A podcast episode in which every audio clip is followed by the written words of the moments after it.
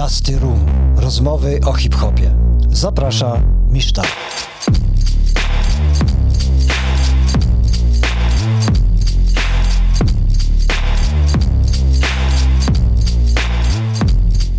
Cześć, witam Was w kolejnym odcinku podcastu Dusty Room Rozmowy o hip-hopie. Dzisiaj ze mną na pokładzie Krzysztof Kozak. Witam serdecznie. Witam serdecznie. Krzysiek mów do mnie. Krzysiek, dobrze. E, A ty jesteś Marcin. Dokładnie, Marcin. Już się poznaliśmy, także jo, jo. Krzysztof Krzy- Kozak przy telefonie. Przy kremofonie, a teraz na wywiadzie. E, Krzyśku, pierwsze pytanie jest w zasadzie takie. E, która płyta wydana w wytwórni RRX Twoim zdaniem zmieniła polski hip-hop? No, zmieniła polski hip-hop. Że zmieniła. No na pewno Slam Zatak zwykła codzienność była w ogóle kosmiczną produkcją. No i taki, taki był nurt wtedy, taki westowy, nie? Takie klawisze takie tam. Ale tam nikomu nie wychodzili, tylko. A Rysiek też tam potem. Rysiek potem też zrezygnował z tego brzmienia, ale na pewno była taka przełomowa, no i co mam powiedzieć? No nastukawszy, nastukawszy też warszawski deszcz. Trzycha. Nastukawszy w ogóle, zanim w ogóle była trasa koncertowa, w ogóle zanim była premiera płyty Nastukawszy, to zespół prawie cały rok był co tydzień zapraszany na koncerty, mimo że nie wydał płyty, grał w ogóle koncerty, na które przychodziło dużo ludzi. Warszawski też tak grał koncerty. Jak płyta wyszła, to już jakby była taka ukoronowanie ich e, jakby pracy ciężkiej w podziemiu, no bo skoro nie, nie wydali płyty, a byli wszędzie zapraszani i te koncerty naprawdę były bardzo duże te koncerty, nie jakieś wielkie jak teraz są festiwale organizowane, tylko jak na takie różne miasta średniej wielkości, jak przyszło na koncert, wiesz, 200, 250, 300 osób, to w ogóle były takie, no kurczę, cała w ogóle sala pełna była, bo to przeważnie grało się na takich salach nie jakieś na parę tysięcy, tylko tak mniej więcej szacowali ile osób przyjdzie. No i tak zapełniane były trasy i tak fama szła. I, i w ogóle myślę, że już jakby samo to jakieś, to trudno już jest też mówić o tym, że jakieś wytoczyła nowe e, drogi któraś płyta, nie wiem. Jakoś tak nie, nie, absolutnie na to nie patrzyłem w ten sposób. A wspomniałeś o Slums Attack, jakby oni też wówczas już grali bardzo dużo koncertów, czy to dopiero Nie. przyszło po, czas, po czasie? Nie grali. Zdarzały się koncerty raz na, na parę miesięcy. Ale myślisz, że czym to było spowodowane wówczas? że no, wtedy w ogóle się rodziła taka e, w ogóle no, no, nurt. E, Element hip-hopu, czyli rap. Jakby dopiero się rodził i to dopiero wszyscy się tak zarażali tym całym Tak, tak, ale mi bardziej chodziło o to w okresie, kiedy warszawski deszcz grał już koncerty w Warszawie i nie tylko w Warszawie, to czy Slums Attack wówczas też już koncertowali częściej, czy... No tutaj mówimy tam o różnicy dwóch lat. Mogli zaczynać grać koncerty. Znaczy się to już jakby, jakby ja byłem promotorem pierwszym sam za tak, nie? Dwie pierwsze płyty 9.6, 9.7 to jakieś się pojawiały między w ciągu roku. Dopiero ludzie zaczynali rozumieć w ogóle rap, jakie to jest zjawisko. Myślę, że to też jakoś tak, ja tak posłucham, myślę, że mniej gra koncertów, zdecydowanie mniej że jednak dłużej tutaj y, ten, nie wiem dlaczego właśnie warszawski deszcz grał wtedy tak dużo koncertów. Przed wydaniem płyty, to było niesamowite, wiesz, że przychodzą ludzie na koncert, a jeszcze płyty w ogóle nie ma. No to jak? No powiedz mi, ludzie przychodzą na koncert, a w ogóle płyta jeszcze nie wyszła. Ale to nie było przypadkiem też tak e, w przypadku Molesty, że oni przed skandalem już grali bardzo dużo koncertów? Ja wiem, że to nie jest płyta z katalogu RLX, ale No gdzieś tam nie jakąś analogię. jakby nie chcę się tam zagłębiać. Tak, Molesta Skandal była też taką milową płytą. No to było, to był ten początek, nie? Przynajmniej z tego co ja pamiętam.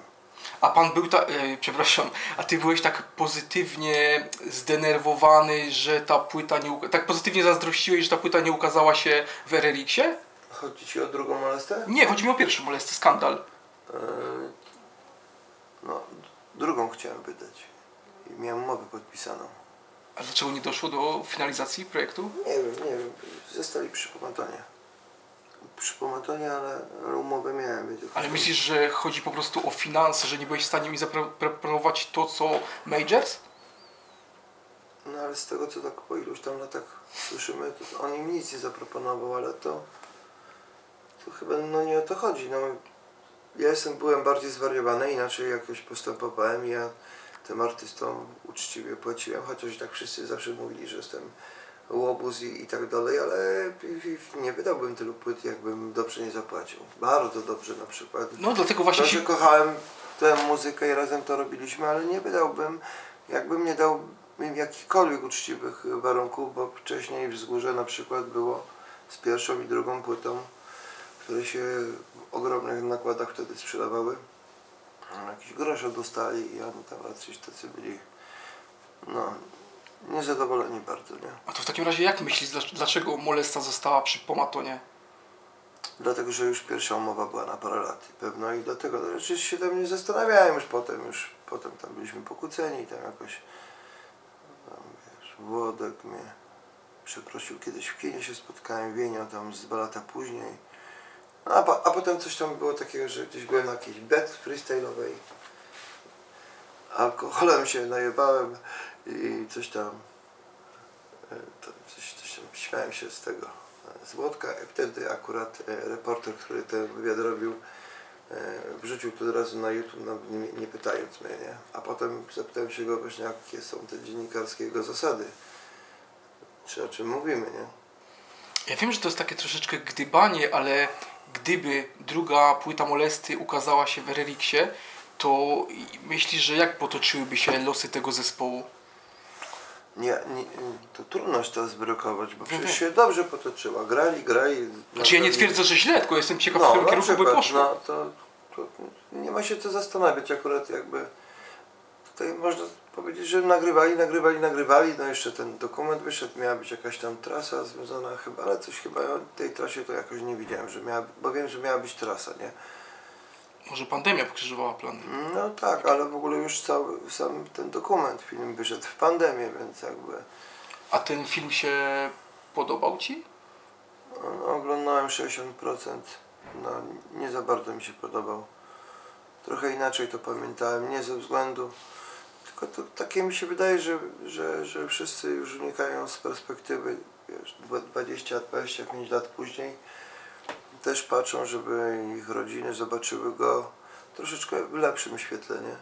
Ja pisząc książkę pokazałem siebie w najgorszym świetle, jaki tylko mogę pokazać, nie? Na przykład, jeżeli chodzi o to, że niezdyscyplinowany, używał narkotyki, po pijaku jeździli, rozrabiali i narkotyki i tak dalej. Ja, przed, ja przemówię, tak było. Tak było. Nie muszę wymyślać. I tutaj jakby ciężko mi jest powiedzieć, co by było gdyby, nie? A kiedy powstawała ta książka, to były takie momenty zawahania, że może okej, tej historii jednak nie będę opowiadał, bo to właśnie źle wpłynie na jakieś moje relacje z najbliższymi i jak w ogóle na, na, mnie, na mnie samego. Było coś takiego?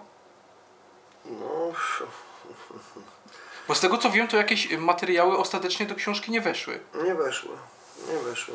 Pewne materiały nie weszły. Może dlatego, że jakby ko- końcowy etap obróbki naszej książki, jakby ja tam udzieliłem takich rozmów jak ty na przykład, wiesz, 100 godzin czy tam. Potem układałem się, spotykaliśmy, robiliśmy szkic, bo to najpierw był, miał być scenariusz do filmu. Scenariusz pisaliśmy, właściwie Hubert pisał.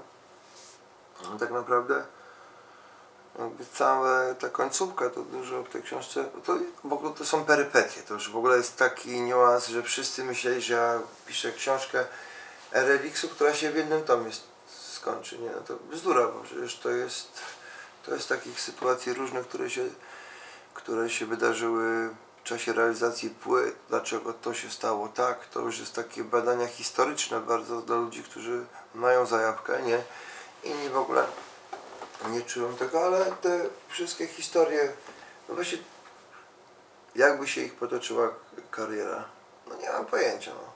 czasem się za bardzo rozgaduję i w sumie nie wiem, o co mnie zapytałeś. Dobrze, to może, znaczy, to może zmieńmy teraz delikatnie temat. Ale za- zadałem Ci pytanie, nie? O, jakie było pytanie to ostatnie? To ostatnie pytanie dotyczyło tego, e, czy był, e, czy pojawił się u Ciebie w pewnym momencie taki hamulec, który by Ci mówił, że pewnych historii jednak nie chcesz do końca No opowiadać. ja nie opowiedziałem wielu historii. Ja nie powiedziałem wielu historii. To są naj, takie najgrzeczniejsze historie. Zostało, tam jak już poprawiałem na ostatnim etapie książkę z synem, z córką, cały tekst, bo mówiłem, że to za sztywno jest napisane, że troszeczkę inaczej rozmawiałem. Żeby to nabrało takiej duszy, no to wyrzucili mi na przykład kilka romansów i zdrad. Powiedzieli, że to jest nudne. Nie muszę się tak chwalić. Powiedziały mi, syn mi powiedział, że to jest to takie e, jakby poddawanie męskości dla kolesia, który cały czas mówi, że jest samcem alfa i jest świetny w łóżku, nie? Na przykład to takie jest, ca- często jest odwrotność, więc że to jest, żeby się tymi romansami nie, nie, są tam pokazane zdrady i tak dalej, ale nie ma już rozpisywania się i takiego mm, Chwalenia? no właśnie, to, y, powiedział mi, że to nie ma się to tak co chwalić. Nie dlatego, że to jest wstyd, tylko dlatego, że przeważnie chwalą się ci, którzy są średniej sprawności seksualnej na przykład. Ja to tak mówię, nie? Jakby nie ma się co tym chwalić, tato, bo to e, już powiedziałeś, jest i tak dalej. No to takie. No i tam było jeszcze parę takich scen, gdzie ja w ogóle y, nie kazałem, a potem się znalazłem. Mówię, jak to przecież mówiłem, żeby to było wyrzucone i tak się zastanawiałem. I wracaliśmy w ogóle do pierwowzoru tej, to zostało wyrzucone z tej pierwszej wersji. Tam ta pierwsza wersja była na 240 stron. No to 80 stron wyrzuciliśmy. Wyobrażasz sobie?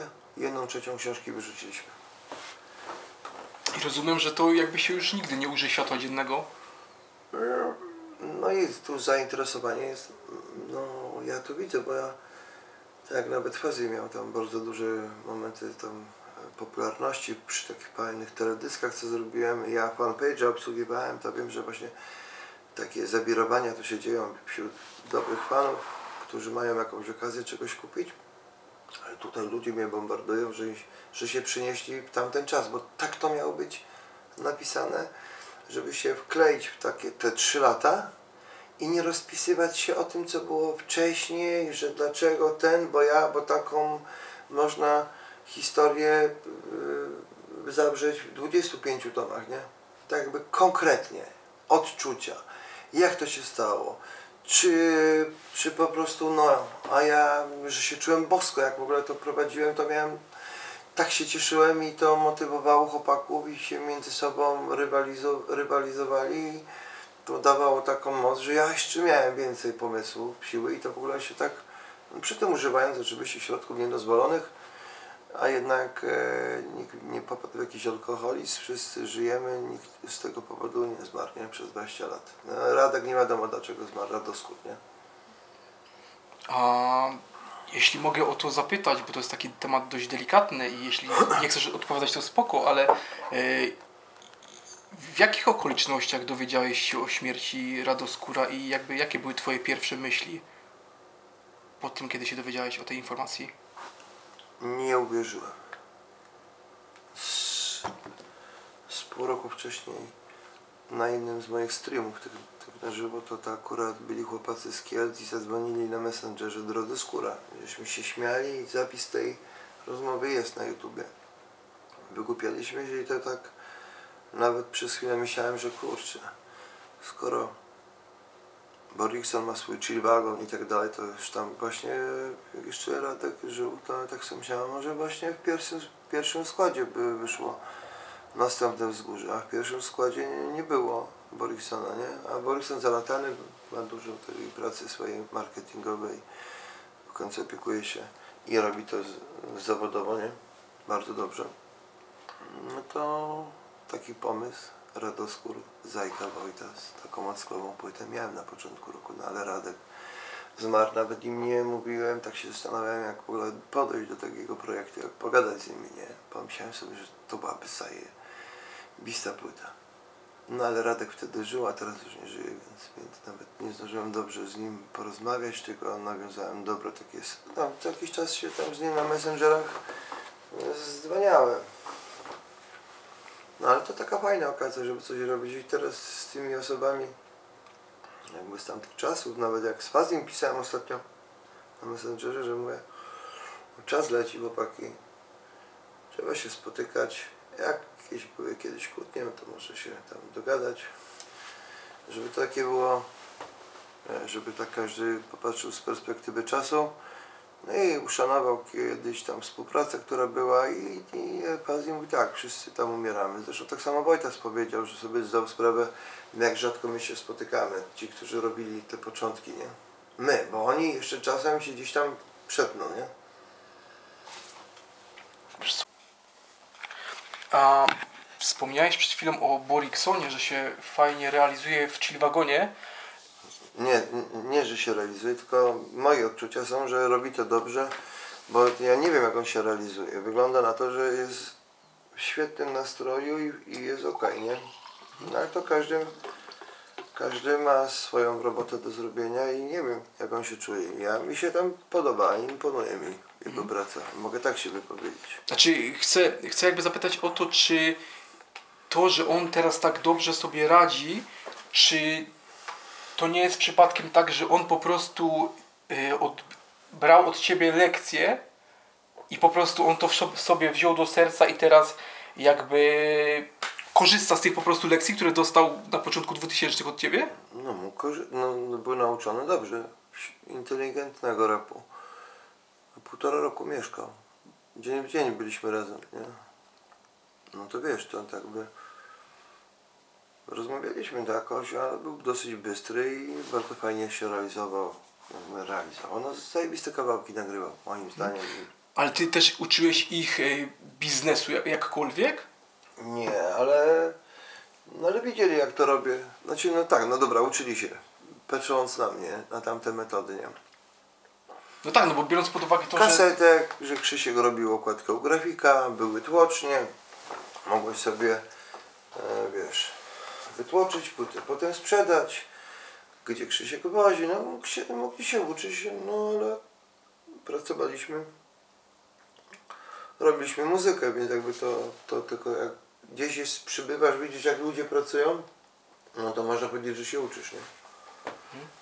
A, ch- chciałem podpytać teraz o sport tego, bo mówi się, że to jest taka płyta, taka troszeczkę płyta symbol, na której to płycie kiedyś, e, znaczy te 20 lat temu, po raz pierwszy tak głośno poruszono w polskim rapie temat kasy. Znaczy, oczywiście, wiadomo, wcześniej na przykład Gramatik na Friko mówił o pieniądzach i tak dalej, no ale nikt tak dosadnie nie powiedział o pieniądzach w rapie, jak to zrobił TDF na sporcie.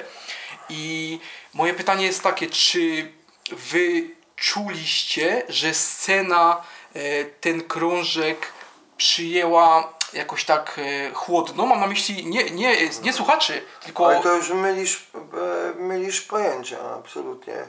Na pierwszej płycie Tedego Sport mało się rapuje o pieniądzach. Na drugiej płycie tej podwójnej Hajs, Hajs, Hajs, tam jest 90%, e, 85% mm, kawałku o hajsie. Na płycie jest sport. E, To tylko chyba jest pokazane, że, że zarobił na tej płycie, że, że coś zarobił, bo cały ludzie się tam dziwnie patrzyli na nas, trochę tam zazdrościli, myślę, czy się, oni się bardziej pośmiechiwali tam jakby w innych ekipach tych rapowych, że pojebani tam jesteśmy, nie? No dobrze, ale, Ale kurwa mają pieniądze.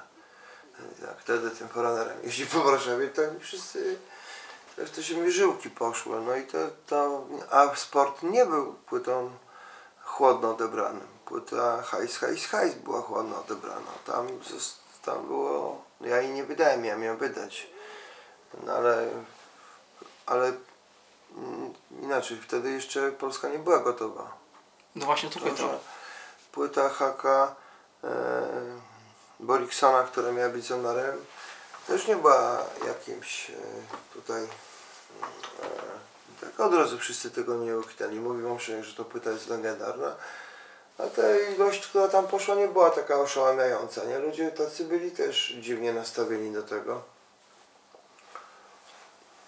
Znaczy chciałbym jeszcze do tych pieniędzy wrócić, no bo okej, ta płyta wychodzi w 2001 roku i jeśli ją porównamy do tego, co mówiło się na płycie, załóżmy Eldoki, na płycie Pay, na płycie Ostrego, no to faktycznie tych, tych, tamci artyści tyle Tak, o tak. pieniądzach nie mówili, No to- jakby w tym kontekście. Dobrze, dobrze, tu tak, masz rację. To musiał się pojawić e, motyw tego, że on ma już pieniądze.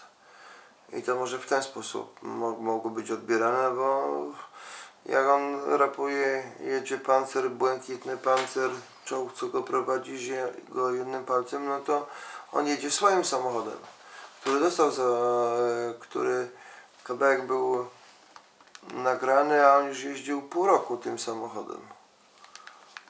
No, wcześniej dużo, już, już się cieszył, już, już super miał dobre samopoczucie, no, no to dlatego potem jak jest nagrany kawałek, że jedzie tym samochodem, no to, to dla ludzi też już było, wiesz, bardzo mocno, ten samochód dzisiaj jest, ja tak popatrzyłem, że on ode mnie dostał i to nie było całe wynagrodzenie. Nie taki nowki salonu tam e, półtora ro, rok, no jakiś przebieg miał taki mały, to z, od, od faceta, który nim nie jeździł, prosto z, z salonu kupione. Ja w ogóle, wiesz, zajebisty, a miałem z nim jakieś tam interesy, więc pozwoliłem sobie. No i to było naprawdę, no, no tamte czasy myślę, że ci wszyscy raperzy w pozostałych wytwórniach nie lubili nas, no bo mówiąc, że się dobrze dzieliłem, no tak się dzieliłem jak tylko mogłem, uczciwie, nie? W tym sensie, że ja po prostu no tak stawki ustalałem szalone, że płaciłem pieniądze za przekazanie praw i to były no właśnie tak duże pieniądze, że nikt inny nie był w stanie w mieście, w Polsce wymyślić sobie, że takie rzeczy robiliśmy. Nie? Niby. A chciałem jeszcze podpytać teraz o płytę hardkorowej komercji, bo nie wiem, może to są jakieś plotki, ale słyszałem, że Onar miał sporo nieprzyjemności z tego tytułu, że w ogóle był w ten projekt za, zaangażowany. To jest prawda, czy to są jakieś plotki po prostu takie? Z... No tam się nie podobało chłopakom z ulicy właśnie, tam Onar był naj, najmłodszy, no tak, nie zawsze można było go otoczyć e, pomocną dłonią, nie? Mieszkał na drugim końcu miasta, żeby tak dalej. W tym sensie, nie wiem, że, miał nieprzyjemności, nic się tam nie stało, jeżeli chodzi, ale no zrezygnował ze swoich zwrotek na właśnie haka. Ale akurat ostatnio słuchałem tych utworów, nowa płyta chyba wyszła. Się tak z powrotem myślę, że tak dobrej witalności jest się dobrze ona zaczęło na nowo słuchać, nie? Rozumiem, że z tymi zwrotkami nic się nigdy nie stanie. Czy może są jakieś rozmowy z Onarem, żeby to puścić jako po prostu jakąś taką No, ciekawostkę? Taką płytę zrobiłem, do, taką, taki dodatek do instrumentali haka i tam są dwa utwory z, z tym zonarem, nie? Ale rozmawiałem kiedyś z Ośką, czy ma tę wersję z, być może ma, musiałby poszukać, on raczej powinien mieć, nie? Ale nie chcę, muszę szukać, musiałby mieć jakąś motywację, żeby to zrobić, nie? Odszukanie takiej płyty czy tych utworów, no to fajnie, ale co? Tak do takiej kolekcjonerskiej akcji, no to super, ale tak roboty przy tym, no nie byłby taki rarytas, ale byłaby fajna płyta, ale jakieś tam ludzie teraz robią takie reedycje takich już naprawdę kultowych płyt, nie? I, i myślę, że, że, że ta płyta z Onarem no to byłoby trudne, skoro już znasz wszystkie wersje z Boriksonem, nie? Czasem są po dwa, druga zwrotka Boriksona dopisana albo jacyś goście, nie? No trudno by tak było zaingerować w to. Fajna taka rzecz, naprawdę. Super. Super, to naprawdę było taki flow, taka radość, jak oni to robili. A ta, a ta płyta, y, w jakim nakładzie ona się sprzedała wówczas? Bo wspomniałeś wcześniej, że raczej... No, ale to dystrybucją e, dystrybucję to, rob, to tam wspólnie z kimś robiliśmy z taką fundament firmą i oni finansami się zajmowali. No, oni byli z innej branży, to im się nawet nie chciało sprawdzać, czy coś tam się sprzedało, czy coś. Ale mm, dobrze się sprzedało, ale nie aż tak, żeby powiedzieć, że jest złotą płytą, czy coś. Nie, nie, nie, nie. A jakie relacje miałeś w tamtych czasach z Tytusem z asfaltu? No bo gdzieś tam razem, e, razem działaliście na tym rynku, obaj niezależnie, jakby nakręcaliście się nawzajem do, do pracy, nie wiem, po, podsyłaliście No, sobie. no, wiesz co, jak za dużo powiem, to nie będę miał wątków na, poprz- na poprzednią książkę. Także nie mogę wszystkiego powiedzieć, ale z Tytutem zawsze współpracowaliśmy, wspieraliśmy się. Teraz nawet tam No czas z pokazał. rok, z rok temu też chyba z nim jakoś tam widziałem, wszystko sympatycznie, nie? Także tutaj nie mamy jakiś tam, wobec mnie zawsze bardzo kulturalny, bardzo uczciwy i bardzo przez wiele, wiele lat spoko, wiele lat spoko, nie? E, Tytus niedawno wypuścił e, reedycję pierwszej płyty Płomienia. W Twojej wytwórni ukazała się druga płyta Płomienia i chciałem zapytać, jak, jak do tego w ogóle doszło, że oni się przetransferowali z asfaltu do, do RRX-u? No, Nie mam pojęcia. Musiałbym sobie to przypomnieć, ale to nie było jakieś tam zabieganie. Chyba, chyba, nie wiem, czy czasem się nie, nie, nie chcieli spróbować w drugiej wytwórni, ale od kogo wyszła pierwsza propozycja tej płyty, nie wiem, nie pamiętam. A były jakieś takie, kiedy PZ był w Twojej wytwórni, były jakieś takie rozmowy już o tym, jak pokierować dalej jego karierą? Nie. No to akurat właśnie specyficzne, specyficzne pytanie zadałeś, bo, bo akurat płyty nasze dni płomienia nie realizowałem jako dostałem gotowy materiał. Nie? Mhm. I tutaj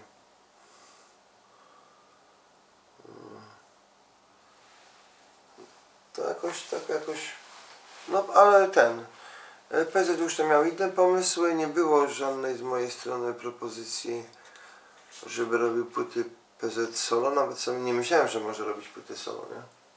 Mhm. Ale fajnie, że mu się tam udało i jakoś no ogólnie Tytus wydawał takie kasety Enigma Tak, tak. Tam 022, nie? W czerwonych okładkach. Pomogłem mu e, w Poznaniu, bo chciał mieć bardzo dobrze kasety nagrane. Znałem taką firmę, która robiła kasety magnetofonowe, nagrywała kasety magnetofonowe z prędkością 1 do 1. I zawsze było taka jakość ustawiona, bo ta specjaliści, tacy audiofile w ogóle prowadzili tą firmę. I też tam Tytus mnie prosił, a potem w sumie to ogólnie było tak, że jakby coś chciał, żebym właśnie tego płomienia chyba tak dokładnie nie pamiętam, ale ja powiedziałem weź Tytus, ja mam już tyle tych swoich zespołów. Tu tak, zobacz, jak będziesz chciał umowę na zespół, to tutaj, kasety zrobisz w tym miejscu, mm, płyty zrobisz tam, tu pójdziesz tu.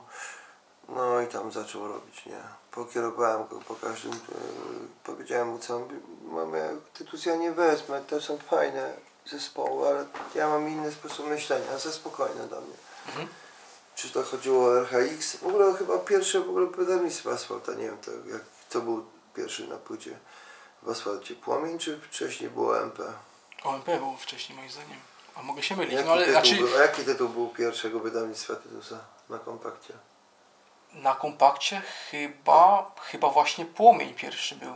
Mogę się mylić. O, albo może RHX, OMP, no to wychodziło w podobnym okresie. No, no to widzisz, no to akurat ja, ja już miałem dosyć wtedy tych zespołów, to ja mówię, tu tak pójdziesz, weź tytus, ja Ci pomogę i tak dalej. No i tam parę razy potem umowy poprawiałem, jak dystrybucję zleciał. Także nie to, że się jakoś dzwonimy z tego, my tak się szanujemy, że, że w ogóle wiesz, to jest no i to jest kultura, wyższa kultura.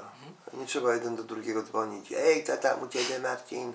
Przyjdzie ktoś tam. Nie, jak się gdzieś tam przytniemy, spotkamy, to się to z szacunkiem się wiesz, przywitamy, porozmawiamy uśmiechnięci, bo my po prostu tak jakoś no, kultura wyższa w tym sensie, nie?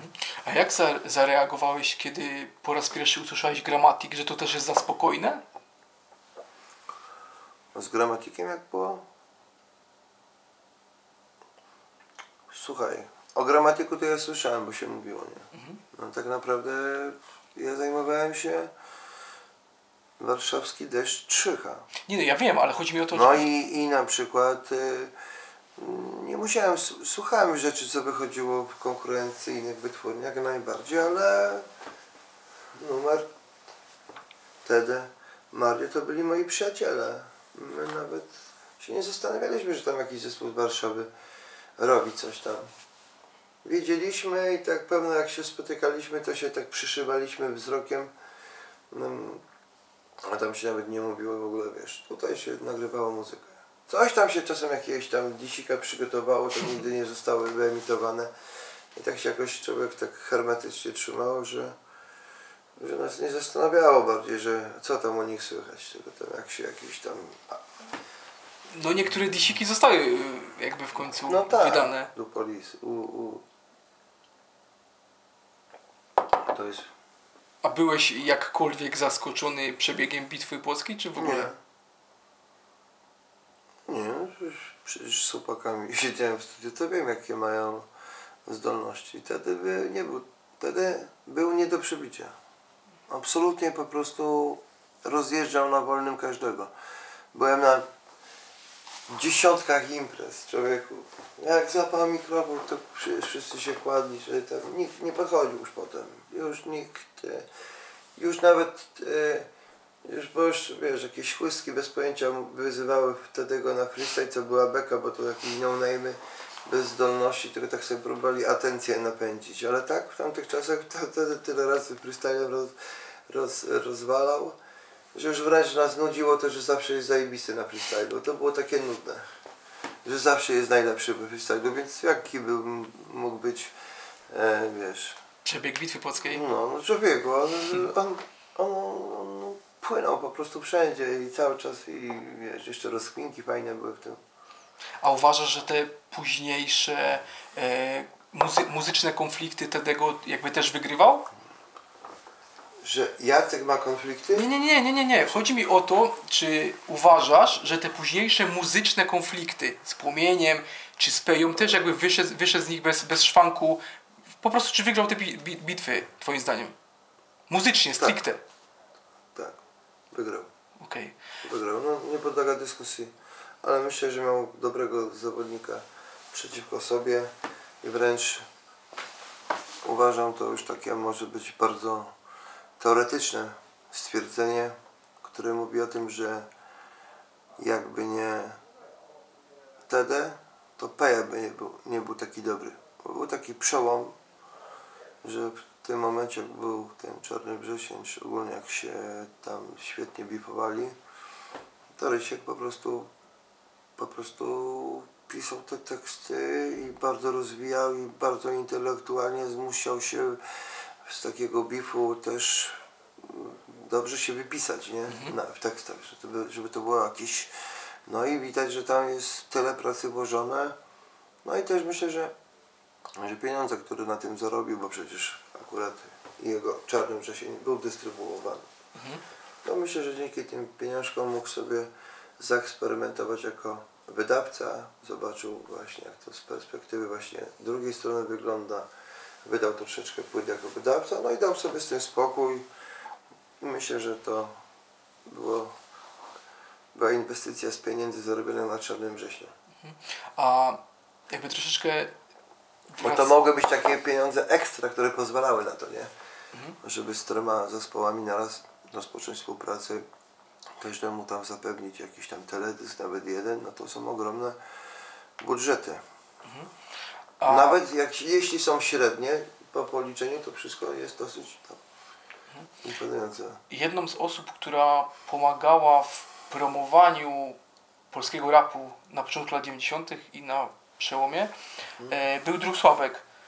I jak, jak wspominasz tą, tą, tą, tą współpracę waszą? Drusławek, znakomity, rzeczowy, bardzo dobry A człowiek. masz jakieś anegdotki związane z- ze Sławkiem? Z, z anegdotek związanych ze Sławkiem? No. No nie no, zawsze zajebisty e, koleżka. A tyle tych płyt miał, że nawet jak to się do niego jeździło tam do tej podkowy lesie, to Ja nawet nie podchodziłem do tych płyt. bo I tam było tyle tysięcy setek płyt człowieków winylowych. I tam po prostu nie miałem siły do tego podchodzić, bo musiałbym spędzić tam pięć dni, żeby w ogóle to pooglądać. No to tak, że wiesz, to, no to chyba jak ktoś nie jest fair, to się go nie zaprasza do siebie do domu, nie? No oczywiście. Więc, więc jakby relacje miałem bardzo dobre i bardzo dobrze, wiesz, jego osobę, że tak powiem, zapamiętałem. Zapamiętałem. Bardzo w porządku człowiek.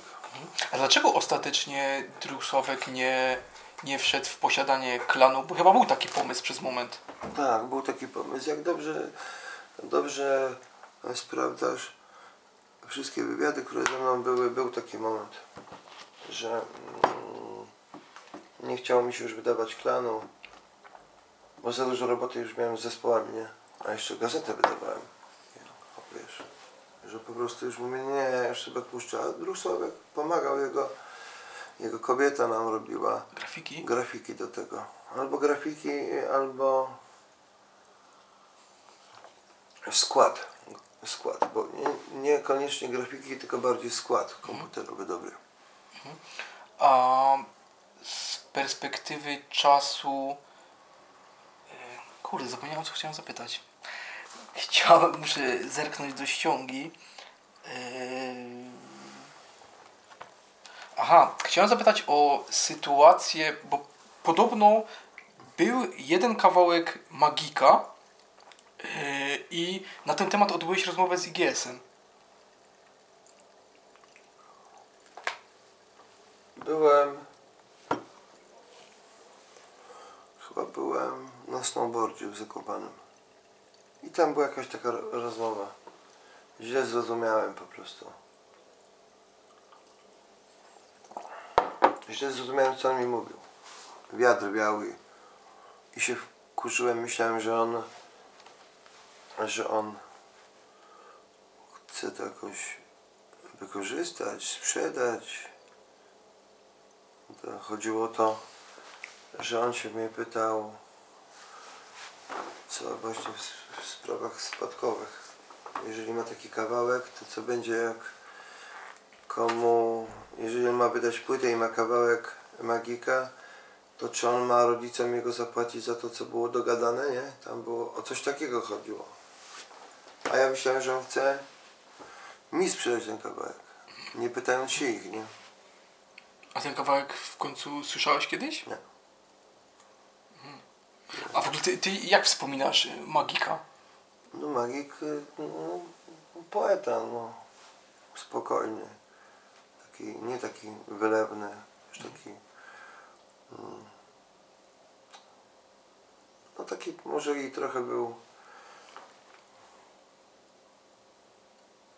spokojny. By, był bardzo spokojny, wyjątkowo. No w kawałkach to był, wiesz, potrafił być drapieżny, nie? W tych wszystkich tych. Ale ogólnie taki bardzo spokojny, taki w ogóle nie wadzący nikomu, nie.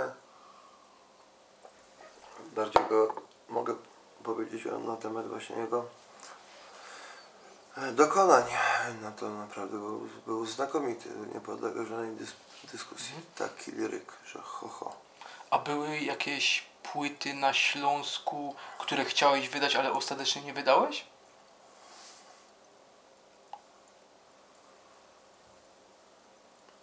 No, no tej paktowaniki nie wydałem. A czy nie, to wiadomo, ale na przykład nie interesowałeś się wydaniem y, solowej płyty HST? Ja nie mam pojęcia jak to w ogóle poszło, to wszystko. No ja miałem wypadek i potem już jakby miałem HST wydawać płytę. Były rozmowy.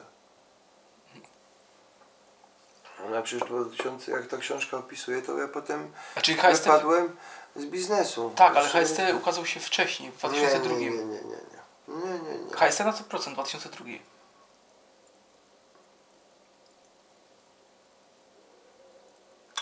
No, no ale chyba. A może to była pierwsza próba właśnie Igora IGS-a jako e, wydawcy, bo przecież on teraz jest producentem sprzętu elektronicznego, Tak, tak, nie? tak. No. A jeżeli chodzi o Była chyba jego pierwsza płyta wydana samemu. Bo też chyba dwie czy trzy wydały, chciał być wydawcą, nie? A był taki moment, że ty po latach byłeś, może nie użyję dobrego słowa, ale troszeczkę obrażony na polski hip-hop, zmęczony nim? Ja jestem zmęczony hip-hopem, który mi się nie podoba. Czy wyglądam na osobę zmęczoną? No nie, No. niekoniecznie. No widzisz, nie wyglądam jakoś tam zmęczony. Myślę, że jakbym robił jakieś ciężkie płyty Ale na przestrzeni... uliczne, to bym mógł po prostu emocjonalnie na przykład nie wytrzymać, nie? Wolę takie spokojne, ostre, ale, ale spokojne. Wydaje mi się, że wiesz, wydawanie płyt i bycie w studiu z artystami, co uwielbiam, wymaga po prostu wielu godzin bycia ze sobą. Jakby jeszcze się tam kręciło tych osób pięć ci po studiu, to dostajesz gorączki już. Bo już przeżyłeś takich sytuacji na przykład tysiąc, nie? Cię nie, niektóre zachowania wkurzają. No nie lubię się denerwować. A jak y, patrzysz na dzisiejszych wydawców hip-hopowych, to czym oni ci najbardziej imponują? Czy mi imponują? No, że ogarnięci są na przykład. Że są ogarnięci i potrafię zauważyć, kto tam e, jest dobrym biznesmenem jeszcze, oprócz tego, że jest raperem. Tak jakby. Takie pytanie w zasadzie kończące. Z czego jesteś najbardziej dumny w swoim życiu, ale muzycznym? Jestem dumny z tego, że mija 20 lat, e, czy tam 25 od wielu utworów i wszyscy pamiętają, kto je realizował, kto je wydał, bo są przetrwałe próby czasu i chyba tutaj jest chyba największa radość. A przy, Prawie a, wszystkie, prawie wszystkie płyty są klasykami, no, no to jak tutaj mogę być która? To teraz musiałbym się zastanawiać, co, które się więcej sprzedało, czy którą bardziej emocjonalnie podchodziłem do tego. Radość jest, że jak mija 20-25 lat i te płyty ludzie wracają i pamiętają i one są w danym gatunku najlepszymi płytami, nie? Stopki takiej, takiej, naprawdę, co wiele osób szanuje, a dowodem jest to, że te utwory są no, teraz grane na nowo, nie? Na koncertach. Masz właśnie przykład, że było vintage'owo, nawiązanie do kaset, wiele reedycji. A kto zrobił y, vintage'owy koncert? Pierwszy taki koncert chyba. Ja nie pamiętam w polskim rapie coś takiego na poziomie, że grasz utwory sprzed 20 lat. Takie płyty co jakiś 15 czy coś tam, no tutaj jest, y, jest masakra to, co się stało przy reedycji. I to, że w ogóle wiesz, ci ludzie i stare kawałki będzie śpiewał wszystkie. my rozmawiamy dzisiaj dokładnie miesiąc po premierze książki i czy... Ja wiem, że to jest krótki odcinek czasu, ale co ona już w tej chwili zmieniła w Twoim życiu? Coś w tym moim życiu e, e, e, zmieniła. No, bardzo się cieszę z wszystkich recenzji, które, które jakby się pojawiały, które dostaję na wiadomości, takiego zalewu informacji, ładnych, rzeczowych wypowiedzi, rozmowy na temat książki, że nawet jak ma jakieś estetyczne, tam jakieś błędy minimalne, bo dziś się może coś zrobić albo tego, to jest w ogóle rewelacja. A jaka, jakaś opinia o tej książce Cię zdenerwowała? Albo? Rozśmieszyła. To, Rozśmieszyło? Rozśmieszyło mnie, tak. Opinia, że na przykład jest przekoloryzowana. To bekę miałem, nie? Mhm. Jest uspokojona, jest spokojniejsza niż było. Co tam jeszcze mnie rozśmieszyło? Ale to dla, dlaczego my- myślisz, że ludzie uważają, że ona jest przekoloryzowana?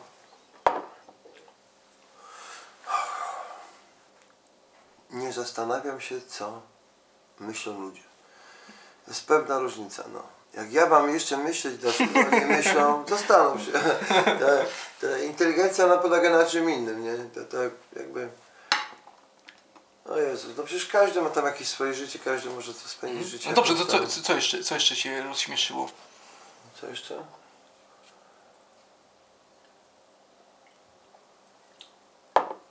Co mnie rozśmieszyło?